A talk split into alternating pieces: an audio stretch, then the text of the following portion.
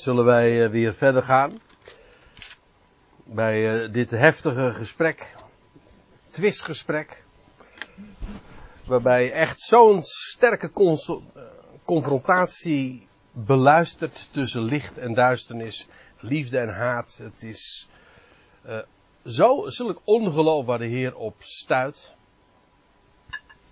En wellicht ook, daar hadden we het net in de pauze even over, jij, jij stipte dat zojuist even aan. We lazen in vers 30 of vers 31, Jezus dan zei tot de Joden die in hem geloofden, als je in mijn woord blijft. En in feite is dat nog steeds, hier waar we nu ook zijn, nog steeds uh, het gezelschap wat hij aanspreekt. En zij geloofden, wat, wat, betekent dat? Dat ze dat van harte erkennen. Want geloven en geloven is ook nog weer twee. Hè? Je geloven kan vertrouwen zijn. Maar geloven kan ook zijn van weten dat iets waar is, maar het niet willen erkennen. Nou ja, dat is waar uh, de rest het over had. Toch? Van, uh, zeg, zeg maar waar ik de kracht vandaan haal. Maar hou je bek. ja. Ik wil het niet horen.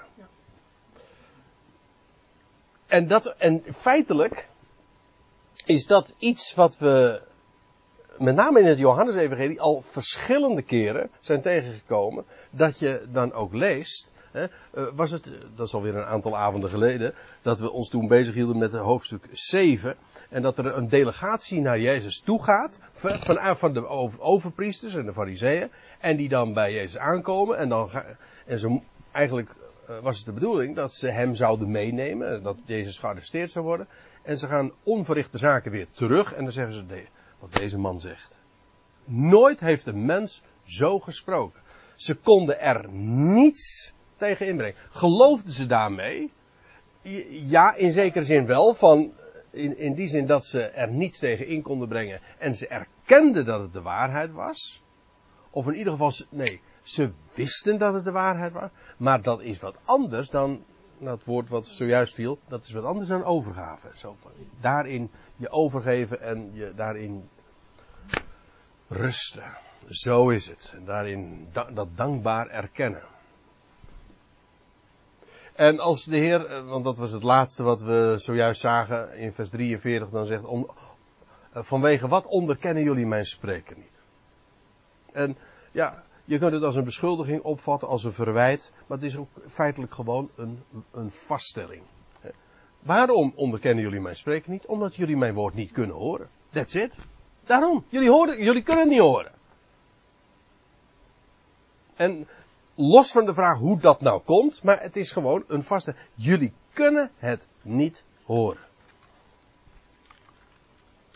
Ja, en nou, uh, in feite deze, dit laatste deel van, de, van dit seizoen komen feitelijk op het op dieptepunt ook van. Nou, dat geldt voor deze hele passage vanaf vers 30. Maar wat we nu nog gaan lezen, uh, dat, uh, dat overtreft eigenlijk nog weer de, de felheid, de bitterheid, de tegenstand van wat we tot dusver hebben ge, gezien en gelezen. En dan zegt de Heer dit. Jullie zijn vanuit de Vader.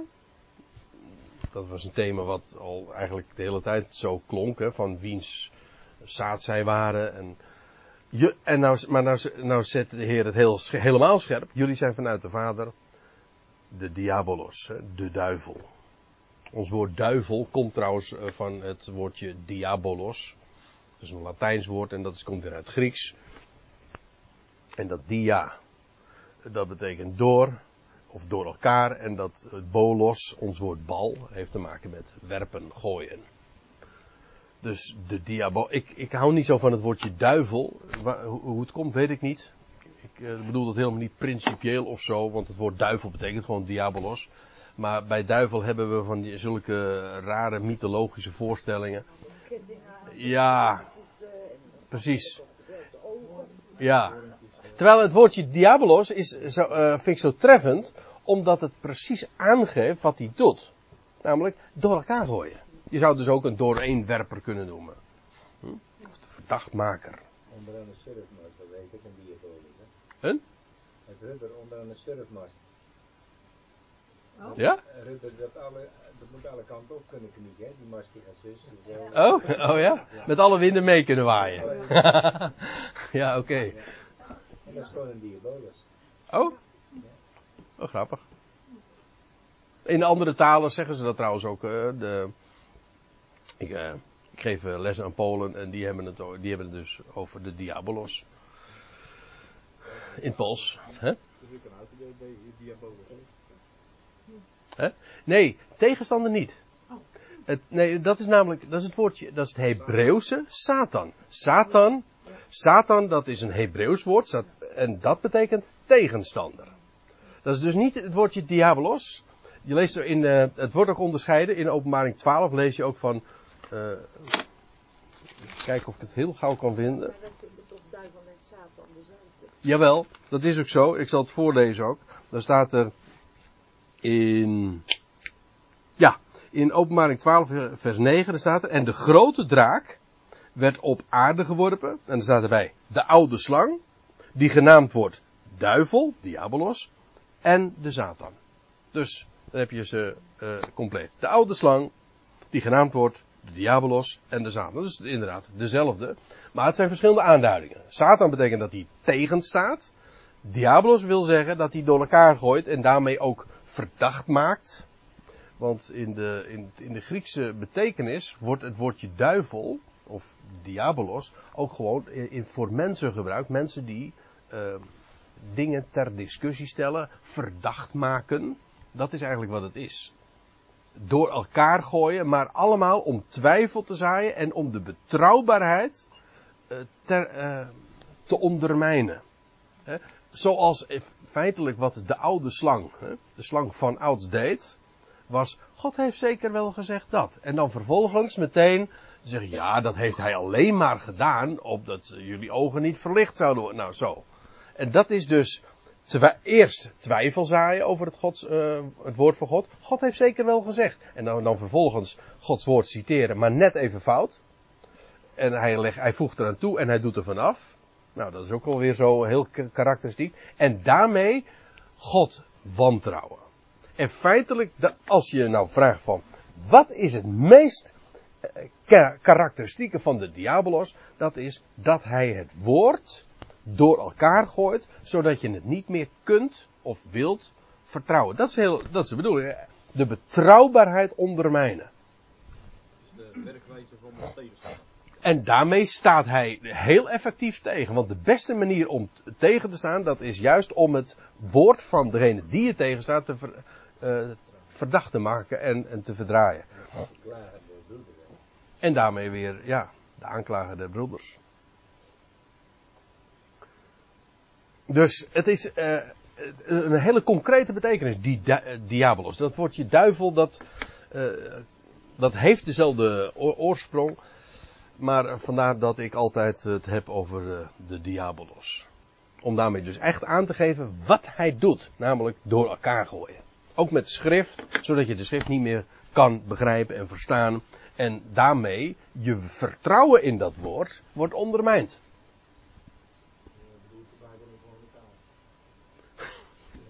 Jij bent wel erg concreet vanavond. Ik probeer, ik probeer het. Ja. Bijbelvertalingen. Eh, en, eh, en feitelijk, wat de diabolos doet, is theologisch werk. Hij, de, eh, want wat doet een theoloog? Ik bedoel, dat niet zo lelijk als dat ik het, als het er nou uitkomt. Ik, een theoloog, die houdt zich bezig hè, met de woorden gods. Maar dat doet de duivel ook. Die doet niet anders. Dat is eigenlijk zijn professie. Hè? Zich bezighouden met het woord God. Maar hij doet het niet om ernaar te luisteren. En om het te verstaan en te begrijpen. En om dat te promoten en om dat door te geven. Maar juist om het verdacht te maken en het door elkaar te gooien. Zodat je er helemaal niks meer van begrijpt.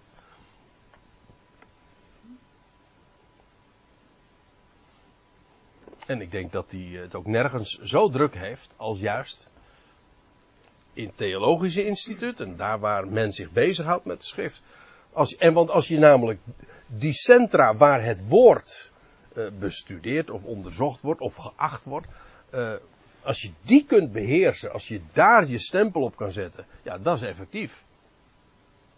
Dat is effectief. Op die plaatsen waar, het, eh, waar je zou denken het woord te horen, en als dat daar eh, door elkaar gegooid wordt. Ja, dat is, eh, is die heel succesvol. Nou, je ziet het hier ook. Ik bedoel, de Heer is hier in Jeruzalem. Bij de tempel. De plaats waar men juist zich altijd bezig hield met de woorden Gods. Maar hij zegt, jullie, en dan heeft hij, en hij heeft het no- notabene over mensen die in ieder geval wisten dat wat hij zei de waarheid was. Alleen ze, ze wilden het niet erkennen. Jullie zijn, hij zegt, jullie zijn vanuit de Vader, en dan noemt hij het gewoon, beetje, gewoon bij naam, de diabolos. En jullie willen de begeerte van jullie vader doen. Dat wat hij graag verlangt en waar zijn, waar hij toe altijd geneigd is. Hè? Namelijk Gods woorden verdraaien. En die was een mensenmoordenaar van begin af aan. Hier worden een paar dingen gezegd. De diabolos, dat is gewoon als je het woord neemt, de door elkaar gooien. En wat, hij is een mensenmoordenaar van begin af aan. En eh, ja, hoezo? Wel, hij beval de verboden vrucht aan. En zodoende werd de mens de toegang tot de boom van het leven afgeslo- eh, daarvan afgehouden. En daarmee kwam de dood in de mensenwereld ook. Toch? En daarmee werd hij dus een mensenmoorder van de begin af aan. Maar dat is precies wat hier eh, zij ook doen, want we hebben nu twee keer al gelezen, alleen al vanavond. En jullie zoeken, hij zegt, jullie zijn zaad van Abraham, dat claimen jullie. Hij zegt, jullie zoeken mij te doden. Ik, die de waarheid spreek, van God gezonden ben. Maar daarmee geef je dus gewoon toch aan dat je roots bij hem, bij de diabolos liggen. Het woord van mij niet willen erkennen. Het door elkaar gooien, het verdraaien en verdacht maken. En bovendien, jullie zoeken mij te doden. Maar dat is precies wat de mensenmoordenaar van de begin aan ook al deed. Zie je? En in de waarheid heeft hij niet gestaan, want er is geen waarheid in hem. En wanneer hij de leugen spreekt, spreekt hij vanuit de eigen dingen. Dat is vanuit zichzelf, niet uit wat, wat hij hoort, maar wat hij zelf creëert. Hij is daarbij, hij parasiteert trouwens wel altijd. Leugen is nooit origineel. Een leugenaar is nooit origineel. Een leugenaar parasiteert op de waarheid. Hij heeft de waarheid nou. In feite, een leugen is altijd een verdraaide waarheid. Ga, ga maar na. Elke leugen moet het hebben van waarheid. Alleen verdraait het.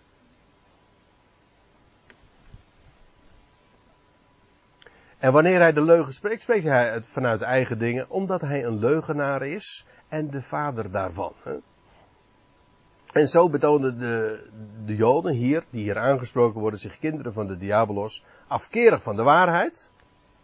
Nou, dat is precies wat de diabolos is, de vader van de leugen. En ze willen de getuigen van de waarheid doden. En daarmee betonen ze zich ook helemaal in de lijn van de diabolos, die een mensenmoordenaar was van de begin. Ziet u hoe. Ik, ik laat het nu ook over zo zien. Om, uh, om te tonen wat, wat, hoe, hoe het gesprek gaat. En, en wat de argumentatie is. Waarom Jezus dit zo zegt. En natuurlijk. Maar dan, dan ga je we een niveau hoger. Uh, spreken. En dat is dat die, die diabolos. Natuurlijk ook een creatie van God is. Dat is waar. Dus de slang was door God gemaakt. Hè? Er, staat, in, er staat al in Genesis 3, hij was de, de listigste. Daar zit, zit nog meer aan vast dan wat ik nu zeg, maar die, van de dieren of van de levende wezens die God geschapen had. Dus een creatie van God. In het boek Job staat het ook zo prachtig. Ja, er staat van dat Gods hand, zo staat het er letterlijk. Het staat in Job 19, als ik me niet vergis. Maar daar staat dat Gods hand geboorteweeën leed toen hij de slang formeerde. Prachtige tekst. Dat, het geeft dus aan dat God zelf de slang gemaakt heeft. Met die gespleten tong. En Gods hand leed geboorteweeën. Dat is een hele vreemde manier, maar eh, leed pijn toen hij hem creëerde. Dat wil zeggen, God wist, hij is nodig. Hij is gemaakt voor een doel, want God heeft alles gemaakt voor zijn doel. Zodat ook de slang, de oude slang, dat moeten we nooit vergeten.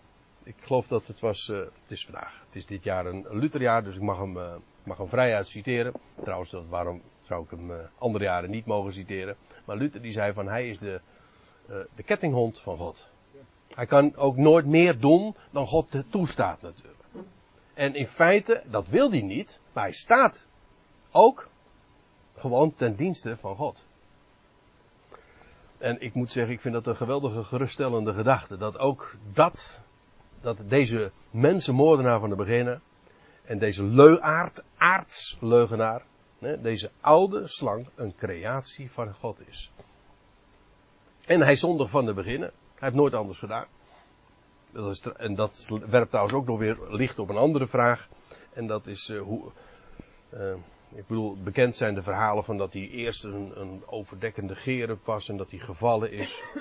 Maar dat staat allemaal nog zeer te bezien. Ik zeg het nu heel voorzichtig, maar hij is, als u het mij vraagt, gewoon de duivel. De, de, de gedaante van slang is, heeft een andere gedaante gekregen. Ja, maar dat is, eh, ik begrijp wat je bedoelt. Dat is wat de Heer Jezus, of wat Paulus in de tweede Korinthebrief zegt. Dan zegt hij van dat de, dat Satan, hij doet zich voor. Niet hij was een engel, zo wordt het meestal gezegd. Hij was een engel van het licht en hij is een Satan geworden. Nee, hij is de Satan. En, maar hij doet zich voor, nu, als een engel van licht. Maar hij manipuleert het licht, het woord, de waarheid. En dus de leugen. Ja, maar Ja. is die dan geest of heeft hij ook een gestalte? Ook beide, denk ik. Hij, hij, ik bedoel, hij, bij gelegenheid wordt hij, eh, kan hij een le- de, het gestalte van een levende wezen aannemen, zoals in de, in de hof. Waarbij trouwens nog even de vraag is eh, hoe die eruit gezien heeft. Maar goed, laten we even aannemen een slang. De gedaante van een slang. Maar, dan, maar goed, dat geldt voor geesten in het algemeen. Die kunnen zich manifesteren. En dan worden ze gezien. Dat geldt voor engelen ook. Die kunnen in de gedaante van een mens verschijnen. Dat wil niet zeggen dat ze al. Maar het zijn geesten, maar ze kunnen zich manifesteren. Maar goed, dat is weer een andere vraag. Het gaat hier eventjes om uh, dat de Heer aanwijst van waaruit hun denken en spreken en handelen voortkomt. En dat is uit hun vader, de diabolos. En alles, dit, he, dit hele gesprek is dat zo duidelijk. Alles wat naar voren gebracht wordt en dat maakt, ja, dat geldt trouwens wel, voor meer bijbelgedeeltes. Uh, kijk, er zijn van die bijbelgedeeltes die heerlijk zijn om te overdenken, omdat het licht daarvan afstraalt. En dat is hier, dat is in het Johannes-evangelie ook. Ik bedoel, de Heer manifesteert zich als het licht en de waarheid, het leven.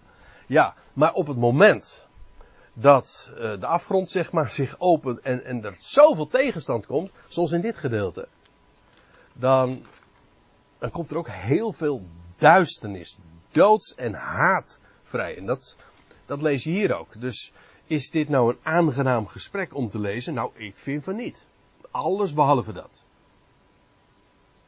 En ik kan me zelfs voorstellen dat je, die, dat je nu zegt van, uh, als je, zoals we dat vanavond ook bespreken, zegt van, uh, dit is heftig, dit is niet, dit is absoluut geen opbouwend gesprek.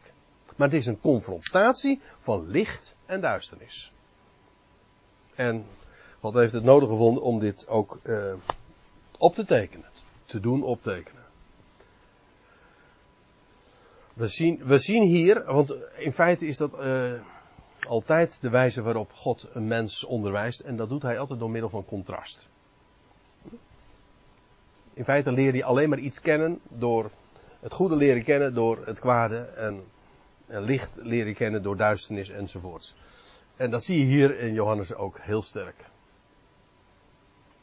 Ik ga, ik ga. Ja, sorry. Ik heb weer in 44 staan. Dat mis ik eh, bij helemaal niet in de grondwet. Eh, was een mensenmoordenaar van de beginnen en is in de waarheid niet staande gebleven. Oh ja, oh. Ja.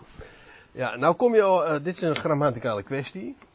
Ik, eh, is grappig dat je dit, nou er is niks grappigs aan, maar dat je, eh, het is voor mij frappant dat je dit eh, nu ter sprake brengt. Want ik heb eh, hier onlangs over dit ene punt, een grammaticale kwestie namelijk, een hele, hele e-mailwisseling nog gehad. Want als je nu ziet, eh, er staat hier letterlijk, hij, letterlijk staat er, hij heeft niet in de waarheid gestaan. Er staat niet, hij heeft, hij is niet, Ja, want dat Nee. zou suggereren dat hij er ooit wel in gestaan Ja, dat bedoel ik. Ja. Omdat hij door God geschapen is. Zou je die conclusie Ja. zou je trekken. ja, hij is niet in de waarheid staande. Eh, gevallen. Ja. En eh, is er nog een andere tekst, zou je het gevallen? Maar, Ja, en dat wordt daar dan ook op betrokken. En, en dan, en, en eh, als je dat dan leest in Jezaja 14, gaat het over de koning van Babel. En, en dat die tekst in Ezekiel, dan gaat het over de vorst van Tyrus. Dus er worden teksten op de vol van Satan hè, betrokken, die daar helemaal niet over gaan, als u het mij vraagt.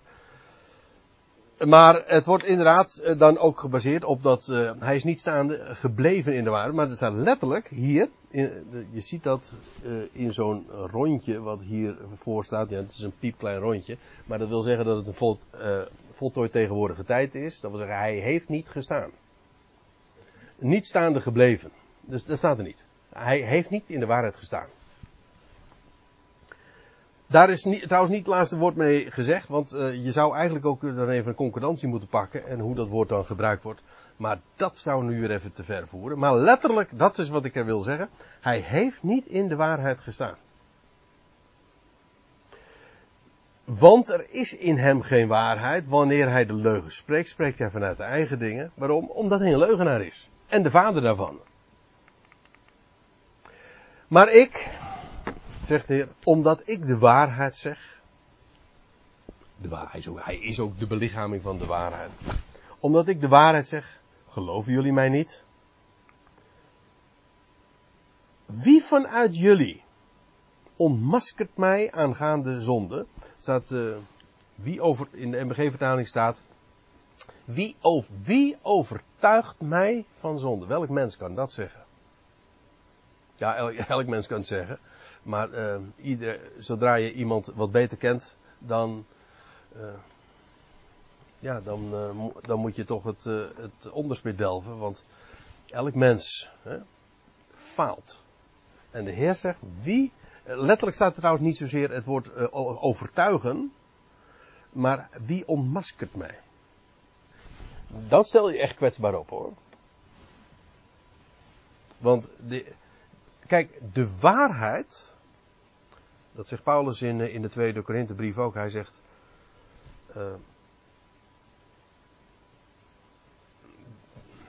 goh, dan moet ik het even, ik kan het nou wel citeren, maar dan wil ik het even goed doen. In 2 Korinthe 4 zegt hij, wij hebben verworpen, zegt eh, vers 2, wij hebben verworpen alle schandelijke praktijken die het licht niet kunnen zien, daar wij niet met sluwheid omgaan of het woord van God vervalsen, maar de waarheid aan het licht brengen en zo bij elk menselijk geweten onze eigen aanbeveling zijn. Voor het oog van God. Kijk, de waarheid, daar kun je van getuigen, die, daar, die, die maak je niet. De, feiten zijn feiten. Dat, dat wat er staat geschreven, dat, daar kun je niks aan, eh, aan, geen afbreuk aan doen. De Heer sprak de waarheid. Nou, waar we het zojuist over hadden. Niemand die naar hem luisterde, kon hem tegenspreken. Zelfs degene die eh, erop uit waren om juist, om hem, zoals ik je zojuist al eh, vanuit hoofdstuk 7 liet zien, die hem om te arresteren, om hem te pakken, ze konden het niet. Hoe vaak lezen we niet dat in de evangelie, dat er iemand met een strikvraag tot hem kwam en dat hij perfect altijd antwoord gaf, maar ook nooit heeft men hem van iets kunnen betichten. Hij zegt, wie ont... Moet je je voorstellen, daar sta je daar in Jeruzalem. Ik stel me zo voor, zo'n hele mensen, eh, scharen die dan luistert. En dan heel uitdagend de vraag stellen. Wie vanuit jullie? Normaal gesproken is dit, een, is dit, zou dit grootspraak zijn. Welk, een normaal mens, of sorry, een, een gewoon mens, kan dit niet zeggen. Eh, Ja, duik, dan, eh, dan is het niet moeilijk om iemand gewoon helemaal onderuit te maaien. En hij zegt, wie ontmaskert mij? Niemand kon hem. Zijn woord was zo waar, zo solide. Zijn leven demonstreerde het ook. Hij, eh, hij is volmaakt, gaaf. Zoals een dier trouwens ook. Hè. Een offerdier dat geslacht werd, een zondoffer, een brandoffer. Dat moest volmaakt zijn. Dat wil zeggen, gaaf. Er mocht niets aan mankeren. Wel, hij is dat offerdier. En je leest in eh, 2 Korinthe 5. Hem die geen zonde gekend heeft. Die heeft hij voor ons tot zonde gemaakt. In Hebreeën 4 lees je van hij is in alles ons gelijk geworden. En maar er staat erbij, doch zonder. dus Niet, er staat trouwens niet zonder te zondigen, maar staat letterlijk zonder zonde. Zonder doelmissing. Ja, dat is eigenlijk wat het is, ja. En vandaar dat hij dit zo kon zeggen. Wie vanuit jullie ontmaskert mij aangaande zonde? Indien ik de waarheid zeg. Dat konden ze niet ontkennen. Vanwege wat geloven jullie mij dan niet? Degene. Nu weer. Dit zijn. Er zijn van die, van die waarheden in het Johannes-evangelie. En dat is, eh, het is ons al, al zo vaak opgevallen. En dit is ook weer zo één. Die als een refrein iedere keer weer klinkt. Het is eh, eh, zoals je dat met een lied hebt. En iedere keer wordt het refrein weer ten gehore gebracht. Of wordt dat weer gezongen. Nou, dit is ook zo'n refrein. Degene die vanuit God is, die hoort de uitspraken van God. Als je vanuit hem bent, ja, wat is het meest karakteristieke dat je vanuit hem bent? Wel dat je luistert naar wat hij te zeggen heeft. We zullen dat trouwens later in het Johannes-evangelie ook nog eens de, eh, lezen over de schapen, eh, die tot mijn kudde horen. Die kennen mijn stem. Logisch. Hoe weet je nou dat je tot die, eh, wie behoren tot die kudde? Nou, dat zijn al die schapen die horen naar de stem. That's it. En dan zegt de Heer, want het is zwart-wit. Degene die vanuit God is, hoort de uitspraken van God, dat is wit. Daarom horen jullie niet, omdat jullie niet vanuit God zijn. Hè? Ja, is keihard. Ja. Nou, ja, hard, scherp. zeg het maar. De waarheid.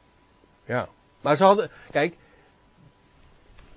zo'n uitspraak, dit is nou niet een, een wandtegeltje, hè? Die, eh, maar daar is ook niet, daar zou het A niet voor geschikt zijn, eh, want dit is zo geen evangelie. Maar dit staat natuurlijk in het verband van een, een heel, eh, van een confrontatie. De Heer die de waarheid spreekt en dan dat verzet en dan vervolgens ook de beschuldigingen. Want eh, die, die zijn niet van, de, van de lucht hoor. Lees maar. De Joden dan antwoorden en zeiden tot hem: Zeggen wij niet terecht dat u een Samaritaan bent?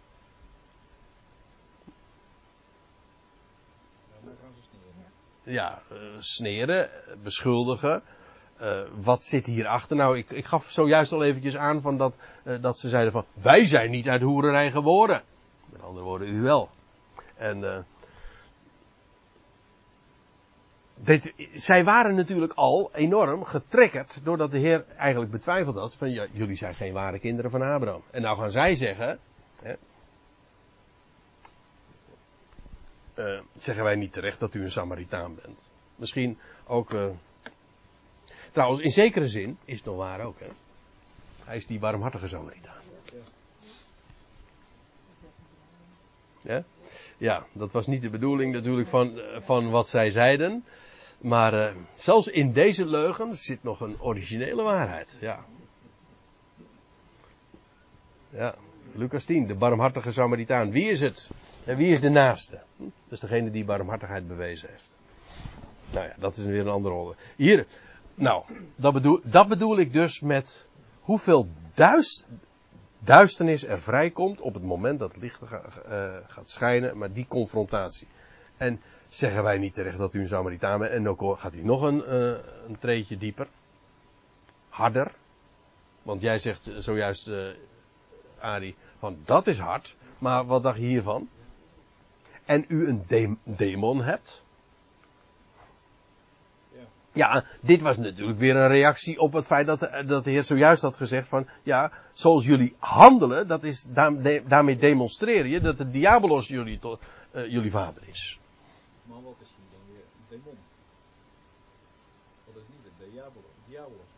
Ja, in de staatvertaling, en ik denk ook wel altijd een duivel staat, Ja, nee, maar dat is niet eh, juist. Ja. Nee, nee dat, in de staatsvertaling wordt dat, eh, eh, dan wordt dat heel vaak door elkaar gegooid. De, er wordt bijvoorbeeld boze geesten, demonen, wordt dat door elkaar gegooid. Ja, ja. ja. nee, dus demon demonen is echt iets anders dan duivel. een Grieks neutraal woord? Ja. Ja. Ja, in, de- in, in de Griekse wereld was het een, een neutraal woord, maar voor een Jood natuurlijk niet. De, de goden der volkeren zijn demonen, feitelijk. Dus hier is het bepaald geen, eh, geen compliment natuurlijk. Eh. En ja, men, men verdroeg de waarheid niet. En vandaar dus die, die, deze, deze reactie. Eh, Jezus reageert niet eens op dat eerste, maar hij zegt: Ik heb geen demon. Demon. Ik eer mijn vader. En nou, dat lijkt me inmiddels wel duidelijk. En jullie onteren mij, beledigen mij, beschuldigen mij. Ik breng de waarheid en jullie hebben niets daartegen in te brengen dan alleen maar, ja, wat zo, hoe noemen we dat, losse vlodders. Gewoon beschuldigingen zonder enig bewijs. Het is ook heel vermoeiend trouwens hoor, omdat eh, ik kan me nou voorstellen dat de Heer die dat zo aanhoort en zo daarvan beticht wordt, iedere keer hoe, ja, ja ik moet denken aan waar ik eh, niet, niet zo lang geleden over gesproken heb in, in Jezaja 49, dat de Heer dan zegt van, te vergeefs heb ik mij afgemat. Eh, want het is wat om onder een volk te werken en bezig te zijn en iets te verspreiden, een woord door te geven en zoveel tegenstand. En het is, eh, zo noemen we dat toch, eh, dat is zwemmen in stroop. Je schiet er niet mee, niks mee op. Je kunt spreken, maar het, het, het, het viel op eh, rotsachtige bodem, niet in goede aarde. Jullie onteren mij slechts. Hij zegt, maar ik zoek niet mijn heerlijkheid. Hij. Je, ziet hem eigenlijk al wijzen. Hij is het die zoekt. Die, hij is het die zoekt en ook oordeelt. Amen, amen. Ik zeg jullie. Indien iemand mijn woord zou bewaren. Hij zou de dood niet zien tot in de aion. Wat bedoelt de Heer nu te zeggen? Dat is trouwens ook weer een, eh, is even een vraag apart hoor.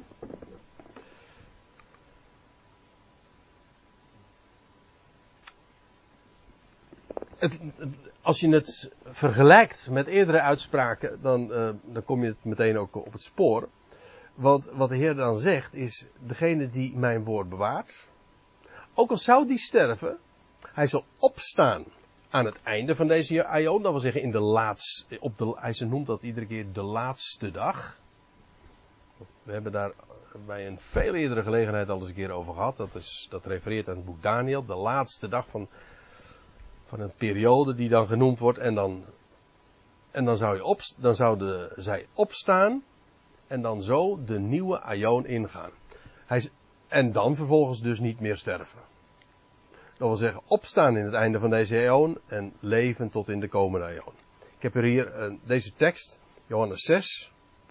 Want dit is de wil van mijn vader, opdat een ieder die de zoon aanschouwt en gelooft in hem, dat hij zou hebben Ionisch eeuwig leven. Dat wil zeggen het leven van die toekomende Ion. En ik zal hem doen opstaan in die laatste dag. Van deze Ion. En dan vervolgens de komende Ion ingaan. Dus let even goed op hoe de Heer het zegt, hè. Ja, dan moet je niet, eh, de, ook hier weer de vertaling kijken. Want dan staat er van, eh, dan wordt er gesproken tot in eeuwigheid. Maar er staat niet tot in eeuwigheid. Er staat dat hij de dood niet zou zien tot in de aion. Hij zal opstaan op die laatste dag en zo de nieuwe aion ingaan. Op, dus hij zal dus opstaan aan het einde van deze aion en zo de nieuwe aion ingaan en de dood niet zien. Is duidelijk? Kijk. Je hebt hier. Ja, ik, ik zou het eigenlijk. Ik had er even een plaatje van moeten maken. Omdat ik het helemaal duidelijk kunnen maken. Je hebt een tijdperk. Deze aion. Aan het einde van dat tijdperk. De laatste dag. Vindt die opstanding dan plaats. Van Israëls heilige. Waar ook het boek Daniel over spreekt. Vindt die opstanding plaats. En zo. Degene die dat woord zouden hebben. Degene die bij die gelegenheid zou opstaan, die zou zo de komende aion, dat, dat, vrederijk, ingaan. Dus hij zou de dood niet zien tot in de aion. Dus met recht tot in de aion. Hij zou in deze aion nog opstaan, aan het einde namelijk, de laatste dag. En zo, zo levend, opgewekt, namelijk de nieuwe aion ingaan. Ik neem dat dus heel letterlijk. Helaas in de vertaling komt dat totaal niet uit de verf, omdat men daarvan een aion een eeuwigheid heeft gemaakt. Maar dat is het niet. Al dood dan. Ja, Ja. eeuw. Hij Ja, zal de dood niet zien tot in de andere eeuw. Want Ja. hij wordt in deze eeuw ook opgewekt. ja, precies. Hij wordt in deze aion nog weer opgewekt. Dat heeft met die aion te maken. Ja. Hij wordt in, hij wordt in deze aion. Want hij wordt in deze aion nog opgewekt. En zo, opgewekt, levend, de nieuwe aion ingaan. En, zo, en niet daarmee de dood zien. Nee, want kijk, an- anders zou het ook niet, anders zou dit ook niet waar kunnen zijn. Bijvoorbeeld in Johannes 6, dat, eh opdat eh een ieder die de zoon aanschouwt en gelooft in hem, dat, eh, en ik zal hem doen opstaan in de laatste dag. Maar dat betekent dus dat hij, wel- hij, wel gestorven is. Ja. Toch? Ja. Daarom, daarom zie je, om dit werkelijk te begrijpen, moet je wel zicht hebben op, op die laatste dag. En, en, en wat trouwens heel wat keren in het Johannes-evangelie genoemd wordt. En over die aion. Maar ja, dat is, dat is een begrip. Hm, Ik zou zeggen, breek me de bek niet op. Hoe we, hoezeer de dingen ook door elkaar gegooid zijn. En als je de, de aionen niet kunt onderscheiden. En als je daar een eindeloze eeuwigheid van maakt. Ja, dan wordt het echt een puinhoop. Ik durf zelfs te zeggen, nou, dus, ik durf zelfs te zeggen, als je geen zicht hebt op die aionen, dan kun je eigenlijk het evangelie niet eens begrijpen. Want dan denk je bij een eeuwige toorn of eeuwige straf aan een eindeloze straf. Maar het evangelie is juist dat hij de redder van de hele wereld is. Dan denk je bij een einde, terwijl het allemaal nog niet af is. Ja. Precies. Ja, dus eh, het, is, het is maar niet zomaar een klein detail wat niet helemaal klopt. Nee, het is, het, het is een. Ja, het is echt een truc van de diabolos om die, zulke begrippen om een, van een aion een eeuwigheid te maken. Voortijdig afgebroken. Ja. Ja, want het zorgt ervoor dat. Het zorgt ervoor dat hij niet werkelijk de redder van deze wereld kan zijn. Nou, het was. eh, ik eh, citeerde eerder Luther. Nu citeer ik een keertje Augustinus. Doe ik niet zo vaak, maar dit vind ik een geweldige. En die had als uitspraak: onderscheid de tijden en de schrift is in harmonie met zichzelf. Maar een, de grootste blokken van tijd die de schrift kent, dat, is, dat zijn ionen, wereldtijdperken. Nou, als je die niet onderscheidt, als je van zo'n wereldtijd een eindeloze eeuwigheid maakt, dat is een drama. Want dan maak je bijvoorbeeld van zijn toorn en straf en gericht iets eindeloos en dat komt, dat komt dus nooit meer, dat komt nooit meer goed. Ja. Nou, weg evangelie. Ja, dat staat er op het spel. Ja, eeuwigheid bestaat wel. Op een gegeven moment komt er geen einde meer aan de dingen. Nee, dat klopt. Maar dat heet geen. Dat, nee, dat is ook zo. Het wordt de voleinding der eeuwen. Hè? Ja. De voleinding der eeuwen wordt afgerond. Ja, maar dat, want dat heeft niks met het woordje eeuw, aion te maken. Kijk, dan, dan worden er in de Bijbel andere begrippen gebruikt. Bijvoorbeeld eh, onvergankelijk. Ja. Dat wat niet vergaat. Maar het woordje aion heeft daar niks te maken. Een aion, dat is een. De Bijbel spreekt over het einde van deze aion. de einde der Ionen. De voleinding van de Ionen. Alles. Huh? Nee, ook dat nog eens een keer. Ja. Nee, maar het, het, is, het is een zoveel concreter begrip, hè, dat God een plan heeft van wereldtijdperken. En wij leven nu in die, in die boze aion, maar de, de, aan het einde daarvan, ja, dan zal, dan zal Christus de heerschappij opnemen en dan zal hij gaan heersen tot in de ionen van de ionen. Dat zijn, de, dat zijn die overtreffende ionen. Dat zijn wereldtijdperken. En hij zal heersen. En aan het einde daarvan. En als laatste vijand zal hij dan de dood niet doen. Ja, en dan zal hij zijn heerschappij ook afleggen. Of overgeven, het koninkrijk overgeven aan zijn God en Vader. En dan wordt God alles in allen. Ja, en dan is die eindeloze eeuwigheid waar u, eh, het over had eh, begonnen. Maar dan, eh, dat, dat- het is verwarrend om daar het woordje aion mee te verwarren. Want dat doet de schrift ook niet. Dat is juist aan het einde van de aionen. Ja, en, en dit is een begrip, hè, wat zo enorme grote rol speelt, dat woordje aion. In elk van de, de boeken en de geschriften van het Nieuwe Testament, iedere keer komt dat weer uit de, uit de verf. Maar ja, als het de ene keer met eeuw vertaald wordt en de andere keer met eeuwigheid en de andere keer met wereld, ja, zoek het maar uit. Het wordt allemaal door elkaar geworpen. Ja.